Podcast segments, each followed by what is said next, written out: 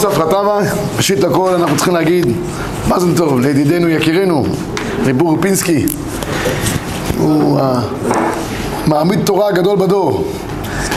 גדול המעשה יותר מן העושה שהקדוש מרגל חתונת אה, ביתו הקדוש ברוך הוא יזכה אותם בבניין הדעה בעזרת השם. ברוב שמחה וברכה. היה חתונה שמחה גדולה השבוע.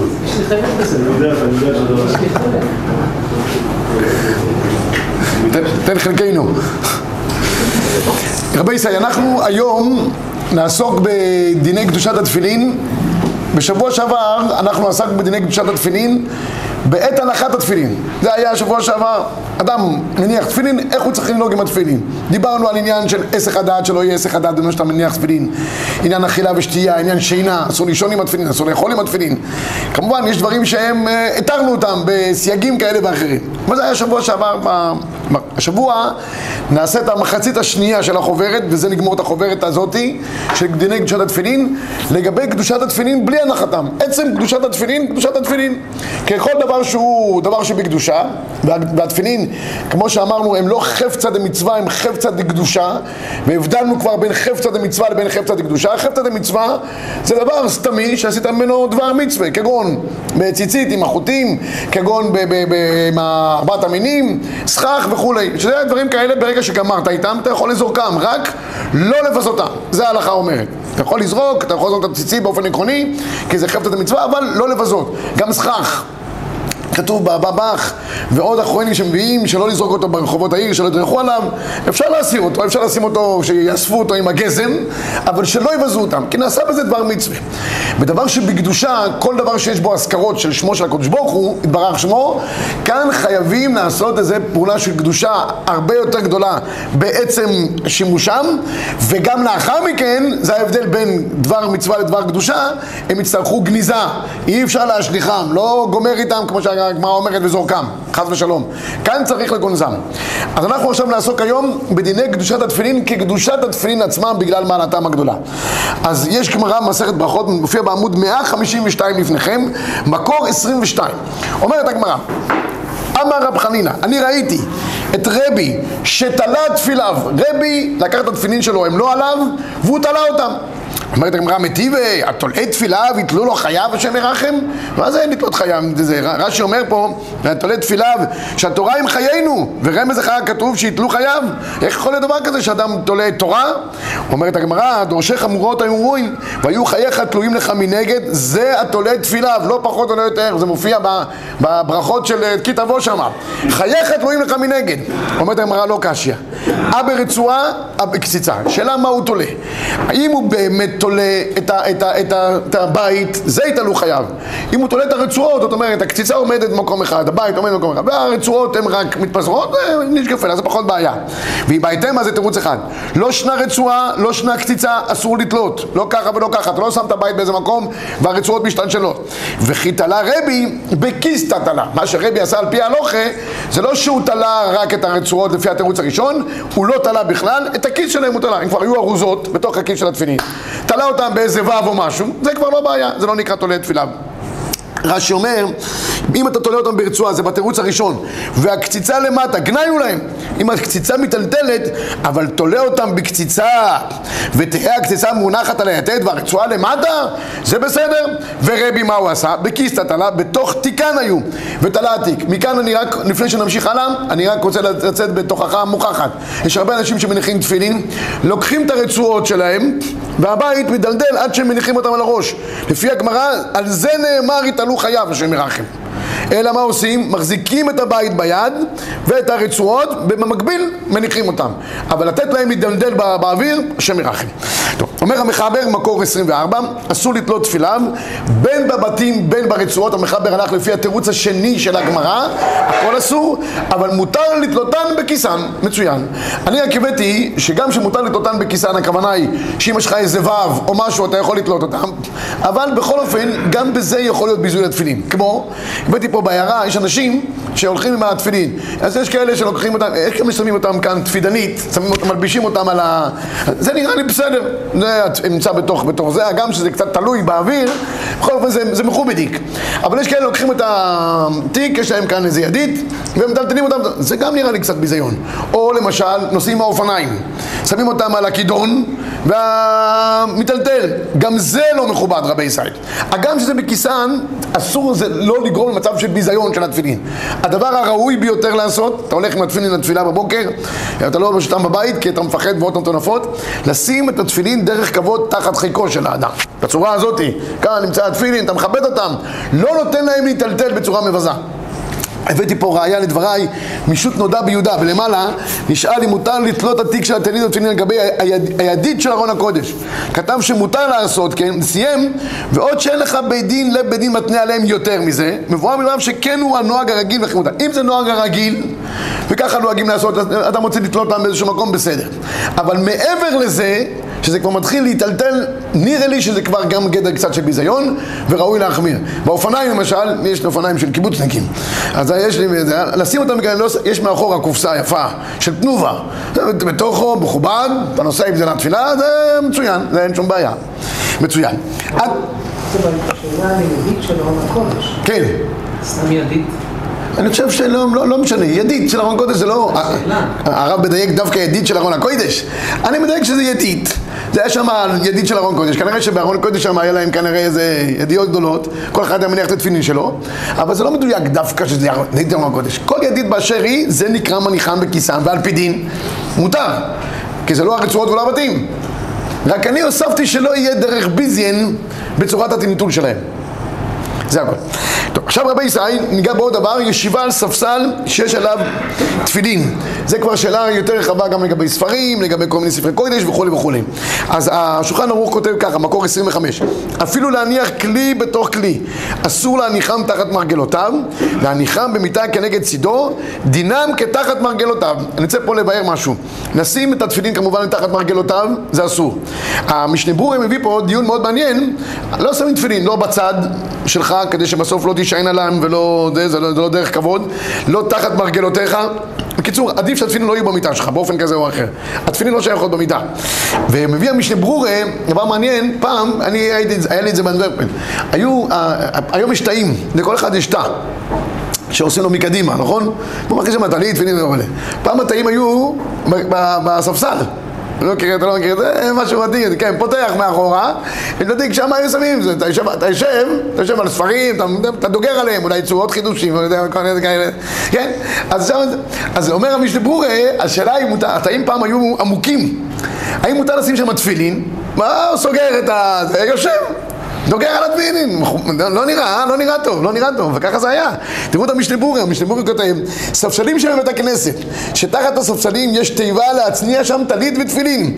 יש אומרים, אסור לשבת על הספסלים, יש מתירים, אבל כשיש חלל טפח בתיבה, פנוי, מותר ודאי לשב על הספסלים. ובנפש ראוי להחמיר שלא במקומתך גם בזה, כי תפילין יש להיזהר בקדושתן מאוד, לכן הוספתי את הטינטון שלהם, בגלל שקדושתן צריך להיזהר בהם מאוד, וגם כאן, גם אם זה נמצא טפח, מן הראוי שזאת. בקיצור, היום למעשה כמעט זה לא קיים, יש לאדם תיבה מקדימה, שם את זה שם, בצורה מכובדת ונגמר העניין. בבתי כנסת, הרבה פעמים אז בבימה יש ספסל שמתחתיו יש מגירה עם כל הטליתות שם בכנסת. טליתות לא בעיה. לא, גם תפילין, בדרך כלל זה מאוד נפוץ. הנה, אה, כן? בספסל של בית כנסת, איפה של התיבה שם, כן. שיושבים, נכון? איזה במקרה כזה, גמר חטפין, שם מניחים את הכל, מן הראוי שם שיהיה חלל, טפח מינימום, אם אדם רוצה לשבת. אם אין חלל טפח אסור לשבת שם. אז טליתות לשים שם אין בעיה רבי סי. כל מיני צורכי בית כנסת. את הגבאי אפשר גם לשים שם מדי פעם, הוא מעצבן. אבל אה, חס ושלום. ברוך אתה, אדוני, אנחנו למשל קונים, לא. אבל לשים שם תפילין זה לא ראוי, אלא אם כן חלל טפח. למה היא נפקא מינה? אני חושב שבדרך כלל תפילין לא שמים אדם לוקח, אה, נוסע לחוץ לארץ. יש לו בתיק שלו, תמיד לוקח את התפילין בתיק האישי, לא שולח אותם, זה לא יודע איפה זה יגיע. תפילין תמיד צריך להיות צמודות לאדם. כתוב בהלוכי אדם לא יוצא מביתו בלי תפילין. למה? לא יודע לאן הוא יגיע. מטלטל, ככה כתוב בהלוכי, לא יצא אדם מביתו בלי תפילין. אז אם הוא עושה לעבודה וזה, אין חשש, אבל אם הוא הולך לאיזשהו מקום יותר רחוק, תפילין צריכים להיות איתך ביחד. אז, אז אה, איפה נפקא מינה? הוא לוקח את הרולר הזה איתו ביחד, שם יש את התפילין. ראוי שהתפילין יהיו למעלה. זאת אומרת שיהיו גובה ת- מעל טפח מהתחתית של, ה, של הרולר. זה באופן קבוע. כי אחרת, שוב פעם אנחנו אומרים על זה שהתפילין נמצאות צמודות לקרקע, פחות מטפח, בעייתי. להקפיד תמיד כשמסדרים את התיק, שהתפילין יהיו תמיד למעלה, למעלה פעמיים רבי ישראל. מעל כל הדברים למעלה, ורחוקים מתחתית הרולר יותר מטפח. למעלה חוטף מכות, אז עדיף באמצע אולי. מה? למעלה חוטף מכות, אז אולי עדיף באמצע. נשים באמצע, אבל הן שמורות בדרך כלל.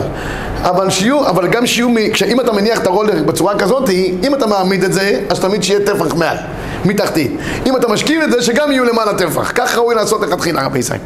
אני אגיד פה עוד נקודה אחת, אם דיברנו על, על נסיעות ורולר וכולי, הרבה פעמים אתה נמצא בשדה תעופה ואתה רוצה להיכנס לשירותים. והתיק התיק איתך ביחד, ושם תפילין בתוכו. מה אנחנו עושים? אז היום ניגע בזה גם, הלוך למעשה. באופן עקרוני זה בסדר, כי יש כאן שני כיסויים. אני בדרך כלל לא, לא אוהב להכניס תפילין לשירותים. אפילו שזה כיס בתוך כיס, אפס לא, לא מריח לי טוב. אני מבקש, אם יש איזה יהודי, אני מבקש ש- שישמור על התיק כמה דקות, אבל כבר היה מישהו שביקש שישמור, וכבר על ההוא היה טיסה, והוא עזב את התיק ככה, ונעלם. קיצור, יש כל מיני דיני ממונות בעניין הזה. אבל מכירים את זה. בכל אופן, זה, זה, זה העניין, לשים תמיד את זה בגובה טפח. תראו את הפסקי תשובות בקור 27, אמנם תפילין הנמצאים בתוך שקית או מזוודה וכדומה. אסור להישב עליהם ולהניחם תחת ראשו כבר וכיוצא בזה, ואפילו יש שם עוד דברים. הוא רוצה לנוח על המזוודה הזאת. רבותיי, לא, לא שמים אותם תחת מרגלותיו, מרעשותיו. משום שמהדק התפילין בכובד והוא ביזיון. ואפילו התפילין כיס בתוך כיס אבל להניח מזוודה על הרצפה אין איסור מעיקר הדין כמו שהתפילין מוסתרים כיס בתוך כיס אבל גם בזה ראוי לכתחילה שלא יהיו תפילין בתחתית השקית או המזוודה אלא יהיו תחתיהם איזה דבר המפריד בינו לקרקע ועדיף שיהיו התפילין בגובה טפח מהקרקע. ואסור לשב בשווה הספסל אחד שמונחים שם תפילין. עוד נקודה אחת חשובה חוץ מזה שאסור לשים את התפילין בצורה ביזיונית גם לשבת על מקום שיש עליו תפילין רבי זה בלתי אפשרי כשם שאסרו בספרי קודש אלא אם כן יניח תחת התפילין זה דבר המפסיק שבינו שאינו כליין וכאמור ראוי להחמיר ולסלק התפילין משם או שיהיו התפילין לגובה טפח מהספסל כמו שלא יושבים על ספסל שבו יש ספרי קוידש, כך לא יושבים לספסל שיש לו תפילין. מן הראוי להגביהם טפח. אני כן נקלתי כמה פעמים שאם זה נקרא שני מושבים. כמו באוטו למשל, היום ברכב יש כאלה שני מושבים. אז אם זה נקרא מושב בפני עצמו, אפשר להקל בדבר הזה. או שיש ספסלים שהם, כל אחד עומד בפני עצמו, מתקפלים. אתה יושב באחד והשני פתוח, אבל זה לא מושב שהוא ברצף, לעניות דעתי זה אפשרי. אבל שזה אותו חתיכת ספסל, זה בלתי אפשרי.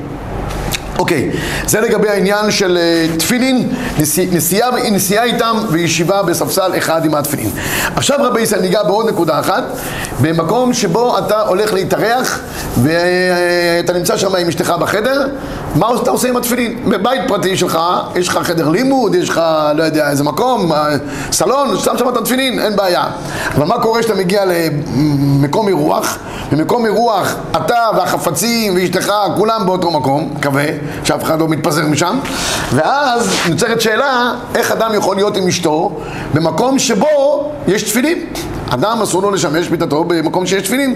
תראו בבקשה את הגמרא מסכת ברכות, במקור 28 תניא. בית שיש בו ספר תורה או תפילין, אסור לשמש בו את המיטה עד שיוציאם, או שיניחם כלי בתוך כלי. אמר אביי, לא שנו אלא בכלי שאינו כליין, אבל בכלי שהוא כליין, אפילו עשרה מאני כחד מאנא דמי. אז הכלל הוא הפשוט בהלכה, תמיד רצוי שתפילין, אנחנו נוסעים איתם או במקום אחר, שיהיו כלי בתוך כלי. וכלי בתוך כלי ההגדרה, מה שהכלי הקבוע שלהם, דהיינו, השקית של התפילין, בוא נתחיל מהזה, מה, מהבתים מפלסטיק, זה כליין. השקית של התפילין, כליין. הכיסוי, השקית הכללית, כליין. יש לו שקית באופן קבוע. על התפילין, הוא לוקח את השקית של, אה, לא יודע מה, של צורבא מרבנן, יש לנו שקיות יפות. שם את בתוכו גם. אם זה קבוע איתו ביחד, קליין. כשהוא רוצה להיות במקום אחר, כדי שיהיה כלי בתוך כלי, צריך לשים עכשיו שקית באופן מיוחד, שזה לא דרכו להיות עם התפילין. מה הפשט של המשנה הזאת? כאילו יוצא שבית שיש בו תפילין זה משהו מיוחד. כל בית יש בו תפילין, מה זה בית שיש בו תפילין? באותו, מקום, תורה, באותו חדר, באותו חדר. ברור שבבית יש תפילין. באותו חדר שיש בו תפילין, זה אתה לא יכול אה, לשמש בדרך. אגב, אחד מהפטנטים הטובים ביותר, אם אתה רוצה, אין לך עוד שקית או משהו, תכסה אותם. שים עליהם שמיכה, נגמר העניין. אומרת הגמרא, אמר רבי שוע בן לוי, ספר תורה צריך לעשות לו מחיצה עשרה. מרזות ראי כלל לבי רבשי, חזה לדוכתא דמר בר רבשי דמר ספר תורה ואביא למחיצה עשרה. ראה את המקום של רבשי, שהוא עושה מחיצה עשרה בינו לבין התפילין. אמר לקמן, כרבי יהושע בן לוי. אמור דאמר רבי יהושע בן לוי, דלת לבית האחרינא. מר, הייתם בית האחרינא. כל הפטנטים רבי ישי, לשים כלי בתוך כלי. מחיצה עשרה, שאין לך חדר אחר. בית זה חדר אחר. זה לא אחרת, אנשים יש להם פה בנדל"ן בצורה טובה, זה נעים. אלא, הכוונה היא חדר אחר. אבל כשיש לך חדר אחר, למה אתה שם את זה באותו חדר? שים אותם, לכן מן הראוי, בכל מקום שתלך להתארח, תיקח סוויטה. חדר אחד תשים את התפילין, חדר אחד שתוכל לישון בנחת. אמר לי, לאו הדעתי, לא שמתי לב שיש פה עוד חדר. זה, זה כל העסק, הוא לא הכיר את החדר במלון. כן, רש"י אומר, אפילו עשרה מאנה, כולם כחד מאנה דמי. מצוין. עכשיו נחלקו פה הראשונים. מה, מה באמת העדיפות לכלי בתוך כלי שהאדם במחיצת התפילין יכול להיות עם אשתו? אז תראו את הבית יוסף, מביא מחלוקת ראשונים בין רש"י לבין רבנו יוינה. אומר רש"י מקור שלושים, פירש רש"י, אפילו עשרה מאנה, כולם כליין, כחד מאנה דמו. אומר רבי יוסף, ומשמע שאם שני הכלים לא אהבי כליין, כן, כי רש"י אומר, וכולם כליין, תפי עדיף. וכן נראה מדברי הפוסקים. אם זה כליין, חד מענה. אם זה שני דברים שהם לא כליין, זה הכי אידיאלי לפי רש"י. אבל אומר רבי יוסף, מדברי רבנו יוינה נראה, דאי כי תרוויו אינם כליין נמי. אפילו עשרה מאני כחד מאני דמי. לפי רבנו יונה לא צריך שיהיו שניים, עדיפות של שניים שאינם כליין. אחד מספיק שהוא לא כליו, זה כבר מועיל. זה המחלוקת של הראשונים יש. תראו בבקשה מה פסק המחבר, מקור 31. אומר המחבר, בית שיש בו תפילין, אסור לשמש בו מיטתו עד שיוציאם או שיניחם כלי בתוך כלי. וכבר אמרנו לפי הגמרא, יש עדיפות להוציאם החוצה מאשר כלי בתוך כלי. אני חייב להגיד משהו לגבי מלון, תכף נראה גם אולי את המשנה ברורה פה. במלון נגיד אתה נכנס, יש לך בהתחלה מקום שבו שמים את הבגדים וכולי וכולי, ויש את החדר עצמו, את החלל של החדר. אז ראוי שהתפילין יישארו בחלק ה... זאת אומרת החיצוני שנכנסים לחדר גם בתוך הארון וגם לסגור את הארון. זה מועיל לכולי עלמא רבי ישראל אם אין לו סוויטה או מקום חדר אחר או שיקח עוד חדר ליד. שני חדרים עם דלת מעבר. אבל אם אין לו את היכולת זה סתם אה, בלטה אז בתוך ארון כשהארון סגור זה ודאי לכולי עלמא יכול להועיל בסדר? ואומר הרמ"א, ואם שניהם, בית של אז כלי אה, בתוך כלי, אומר הרמ"א, ואף אם שניהם אינם מיוחדים להם, או שהפנימי אינו מיוחד להם, והחיצון מיוחד להם, מותר, מספיק שאחד מהם לא יהיה מיוחד, ומזה נגמר העניין. תראו בבקשה מה כותב המשנה ברורה בסעיף קטן ד' וזה חשוב. לא רק תפילין, רבותיי, אדם לא יכול להיות עם אשתו. כל ספרי קודש, אתה לוקח איתך מסתומי, אתה הולך להתארח במקום, אתה לוקח איתך דף היומי, לוקח איתך שולחן ערוך, איך יהודי הולך לחופש? לוקח איתו את הבית, את הספרייה. הספרים האלה, הם לא יכולים להיות בחלל החדר אם הוא נמצא עם אשתו. כל זה צריכים להיות דינם כמו התפילין, בתוך ארון סגור, כלי בתוך כלי. אה, אני אומר ארון סגור, כלי בתוך כלי, אם הארון הוא חלל גדול, תכף נראה 40 שאה, אז זה נחשב כרשות בפני עצמה, לא צריך לשים את זה בתוך שקית או משהו. אבל אם הארון לא כזה גדול, ארון קטן או משהו, ארונית או משהו, צריך לשים אותם בתוך שקית, לסגור אותם עם הדלת של הארון, וזה נקרא כלי בתוך כלי. בסדר? תראו את המשנה ברורה בסעיף קטן ד' תפילין הוא הדין חומשים, סידורי תפילות, שאר ספרים בין בכתיבה ובדפוס הכל יש בהם קדושה ובהן כלי בתוך כלי ואפילו אם, כמו משיטה, זאת אומרת, כתב יד, עין מטש כתב, כל המקל בקדושת ספרים הנתפסים, עתיד ליתן את הדין, דדפוס כמו כתיבה. אך בתשובות חוות יהיה נוטה להקל בזה בשעת הדחק שאין לו במה לכסות, אבל מן הראוי כן לכסותם. איך עושים את זה כלי בתוך כלי? אומר המשנה ברורה בסעיף קטן ז', לאו דווקא כלים, הוא הדין שני כיסויים, ואם פירש טלית או שאר כיסוי על הכיס של התפנין, אף על פי שהכיסוי אינו מכסה רק למעלה ומן הצדדים ולא למטה, אפילו אחי שרי. או כלי בתוך כלי, או כיסוי, גם יכול להועיל. ואומר המשנה ברורה בהמשך, ואותם המניחים כיס התפילין מהטלית תוך כיס אחר גדול. הרי הכיס הגדול נקרא קניין המיוחד להם, וצריך עוד כיסוי על גבה. זה מה שאמרתי לכם קודם, רבי ישי. צריך שאדם, אם יש לו שקית קבועה, לא יועיל. צריך עוד כיסוי על הדברים הקבועים שכל יום יש לך עם התפילין שלך. אם לא שמכסה בתי תפילין בתוך כיס, דאז שרי דהתפילין אינו כליין. כתב בחומת אדם, נירא לי דבן מזוזה או שאר ספרים, אם עשה מתחילת שני כלים, שיחשב אחד לתוך כלי בתוך כלי, כגון שכרך המזוזה בנייר, אחר כך הניחה בתיק שלה, מותר.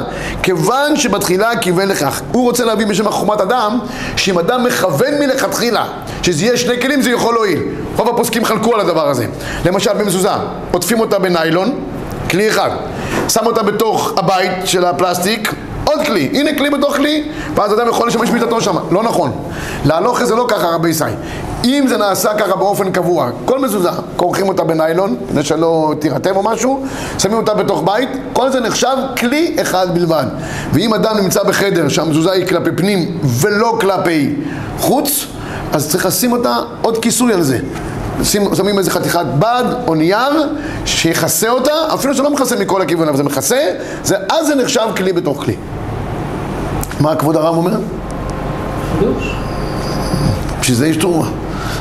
כן, כך, כך ראוי לעשות. מן הראוי לבנות בית שכל ה, כל החדרים, המזוזות הן כלפי חוץ ולא כלפי פנים. אבל והיה ונתקל האדם במזוזה היא בפנים, והוא נמצא שם עם אשתו, אז צריך לדאוג לפני כן, אם זה שבס לפני שבת, לכסות את המזוזה עם חתיכת בד, כדי שיהיה כלי בתוך כלי. למשהו... סליחה, סליחה? חתיכת הבד הזאת יכולה להפוך לכיסוי קבוע שהוא יהפוך לכליה אם אני משתמש? לא, לא, לא, אה, לא, לא. זה אף פעם לא ייחשב כחלק מכליין. זה נועד לשם כיסוי. כן. אומר הפסקי תשובות, אמ, בואו נראה רק, הנה, תראו בבקשה לגבי הארון, אתם רואים? ב-33 בקטע השלישי שלו, ארון המחזיק נפח של 40 סאה, זה 330 ליטר. הארונות הממוצעים בבתי מלון מחזיקים 330 ליטר, אני חושב. חולק רשות לעצמו. ושוב, אין צריך לספרי קודש שני כיסויים. די שתשים את התפילין או את הספרים בתוך הארון, סגור את הדלת, נגמר העניין. אמנם, נכון לכסותם בכיסוי אחר אם נראים, וכן מחיצה כשרה מבדלת וחולקת רשות לעצמה, מחיצה עשרה טפחים, ואפילו הספרים עומדים מעל המחיצה, אך גם בזה המחמיר לכסותם כשהם נראים, תבוא עליו ברוכה. מצוין. מכאן אני רוצה לגעת בעוד נקודה אחת חשובה מאוד. מה קורה הרבה פעמים שיש ספרי קוידש או תפילין בסלון, אדם לא שם את זה בחדר שינה שלו, בבית הנורמלי שלו, כן? שם את זה בחדרים ויש ילדים קטנים בבית, ברוך השם, או ילדים קטנים, עוד נכדים בעזרת השם, כן ירבו, ורוצים לטפל בהם, מחליפים להם והכל, וזה לעין כל הארון קודש, עם הספרים וה- והתפילין וכולי. ראוי או לא ראוי? הפסקי תשובות כותב על זה כך, במקור 34. כבר דנו גדולי זמננו בעניין החלפת חיתולי התינוקות בחדר ששם תפילין וספרי קודש, או הושבתם שם על הסיר לעשות צרכיהם. בכוח דהתרא, באם נעשה שלא דרך קרמה, בצירוף כמה תמים להקל, בוודאי לכתחילה מהנכון לכסות התפילין וספרי הקודש שאינם נמצאים במקומם בארון הספרים, וכיסוי אחד די. ומן הנכון למנוע מהם לשוטט נגד ספרי הקודש כשערוותם מגולת. מי שעושה את זה רבי ישי, וזה קורה חד פעמי, נשגפה לך. בסדר. אבל אם יש ילדים קבועים בבית, לא לעשות מקום ההחתלה ושאר הדברים שהתינוקות צריכים לעשות ולא צריך להרחיב מול ארון קודש, מול ספרייה של קודש. אז לא השתמשו בספרים מרוב אה, לחשוב. איך לכסות וזה וזה וזה, כבר לא רואים אותם. אבל ספרי קודש, יש להם קדושה, יש להם קדושה.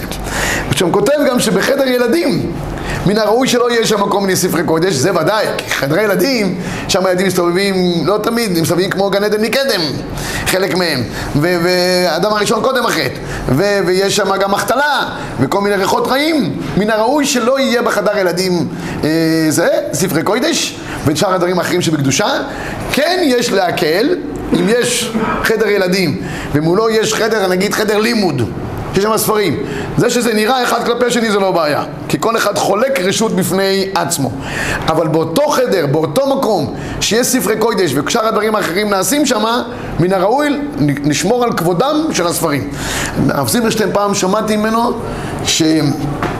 היה איזה יהודי שלא יודע, זלזל בעקבות הספרים, ישב במחיצתם או משהו, זה גרם לו הרבה עיכובים. הרבה, הספרים, הספרים מקפידים, רבי זית. יש, יש הקפדות כאלה, ככה הוא הביא, ככה קצת העניין, העניין הסגולי קצת שבדברים. לשמור על ספרי הקודש זה כמו לכבד ספר תורה. הוא כמו שאצל אה, הדואג האדומי אצל- מי היה שם?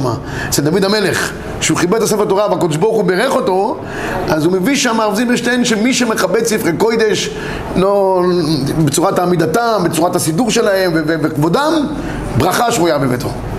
ככה הוא מביא. טוב, ניגע בדבר האחרון רבי ישי, זה תפילין שנפלו. מה קורה אם תפילין חלילה נופלים?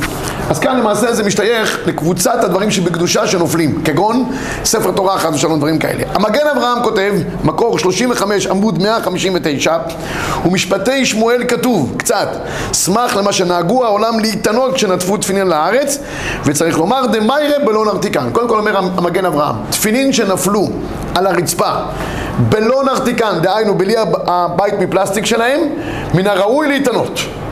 כמו שחלילה ספר תורה נופל, ראוי להתענות. רק בספר תורה המנהג הוא מי שנפלו, נפל לו הספר תרא, או מי שראה את הספר תורה נפל, כולם צריכים להתענות. בתי כנסת, שאנשים מדברים עם האחרים, וספר תורה נופל פה והם לא ראו, אז הם נפטרו מה, מהתענית. זה לא שהם צדיקים גמורים. ספר תורה שנופל באיזשהו מקום, המקום צריך לעשות חשבון נפש, למה זה, זה קרה? ולפעמים זו הזדמנות ככה לרב באותו מקום לתת קצת מוסר, פעם אחת ניצלתי את זה. באיזה מקום, דיברו בתפילה, נתתי להם שמוז, זה עזר זה שבועיים. החריד את הלבבות קצת. אבל בכל אופן, זה, זה כן דבר נוראי. אומר המשנה ברורה, נוהגים העולם להתענות כשנופלים תפילים ידו על הארץ ולא נרתיקן, והוא הדין כשנופל ספר תורה, אפילו בנרתיקו, ואין בניהו רבא שכתב, אפילו תפילין בנרתיקן, ייתן פרוטה לצדקה. ופה ניגע אוכל למעשה. מה קורה אם אדם נופלים לו באמת תפילין, חלילה, בלי נרתיקן? באופן הזה, אם הוא יכול להתענות יום אחד שלם, שיתענה. היום ירדה חולשה לעולם. ואדם שמתענה הוא כבר לא מאופס, לא, לא עושה מלאכתו נאמנה אם הוא עובד אצל מישהו, ובטח אם הוא מלמד תורה או עוסק בתורה, אז ודאי שהוא לא מרוכז כדבעי. אז מן הראוי להקל ולצום חצי יום בלבד. חצי יום. גם אם זה קשה לו, חצי יום, יש אנשים שחצי יום זה גם מערפל אותם לגמרי, גם פטורים מן התענית, כיוון שירדה החולשה לעולם. אז יש כאן שלוש דרגות. המצב האידיאלי להתענות יום שלם. בדרך כלל נוהגים להתענות שני וחמישי. ימי תחנונים. לא יכול יום שלם, חצי יום, עד חצות. לא יכול עד חצות, שלא יתענה, יפדה בצדקה, יקבל עליו כל מיני קבלות כאלה ואחרות, לשמור על קדושתו וקדושת התפילין, ובזה יצא ידי חובה. ותראו בבקשה את ה... זה, כל זה כשנפלו רבי ישראל בלא נרתיקן. אם נפלו בנרתיקן, שקית התפילין נפלה או משהו כזה, צדוקה מועילה. נתת צדקה, פדית את עצמך. כן, זה פדיון ידי צדקה. תראו בבקשה בפסקי תשובות ב-37, כאמור בהמשך המשנה ברורה, אם נפלו התפילין בנרתיקן לדברי הכל, אין צריך להתענות, אלא ייתן סכום לצדקה, וכן נפלו על הרצפה ממש על איזה כלי, גם אם נפלו דרך בדיון ייתן צדקה, ולא צריך להתענות. והרב יצחק יוסף בילקוט יוסף כותב. מה מה? במשנה ברורה כתוב פרוטה, בפסקי תשובות זה כבר סכום. סכום. בדרך כלל נוהגים לתת סכום ככה, פדיון נפש, אומרים בדרך כלל חי שקלים, ככה בדרך כלל. אה, אני לא שמתי לב אבל לתעריף. רגע, משנה ברורה, פרוטה, כן, הוא כותב כבר ייתן חתיכה ראויה להתקבל. בטח אם זה לישיבה זה עוד יותר... יש שיעור לי בלבטים. ב-38 כותב הילקוט יוסף, מי שנפלו מידם תפילין של יד ושל ראש, אפילו נפלו מגובה שהוא פחות מעשרה טפחים, צריך להתענות יום אחד, כדי לכפר על התקלה שבאה על ידו, השם ירחם. ובזמן הזה שירדה חונשה לעולם, קשה להתענות, או שימעט מלימודו, או שהוא פועל שכיר ויעשה מלאכתו לא כדבעי, או שהוא מלמד תינוקות, ומלמדי תינוקות אסור להם להתענות על פי דין, חוץ מתעניות ציבור, אסור להם לישון שלא כדבעי להיות מתמידים, צריכים להיות מרוכזים. לתינוקות צריכים ללמד אותם כדבעי. או שהוא בן ישובה שתורתו אומנותו, יפדה התענית בצדקה. כמה? אתה רואה רב אורי? שיעור ארוחה אחת. אני אמרתי שיעור ארוחה ממוצעת 18 שקל, פדיון נפש, בדרך כלל. זה פלאפל פלוס שתייה, זה, זה, זה המינימום. ויכופר לו, אם היו התפילין בתוך הכיס שלהם בשעה שנפלו, די בנתינת מעות צדקה בכל אדם, ובזה הוא פודה את נפשו. בזה סיימנו היום רבי ישראל דיני קדושת התפילין, בין אם זה עליו, בין אם זה נמצא בכיסם או בנרתיקם. שבוע הבא בעזרת השם נעסוק בדיני תפילין רש"י ורבינו תם. שקוייך, צפרתה טבא, שבת שלום וברכה.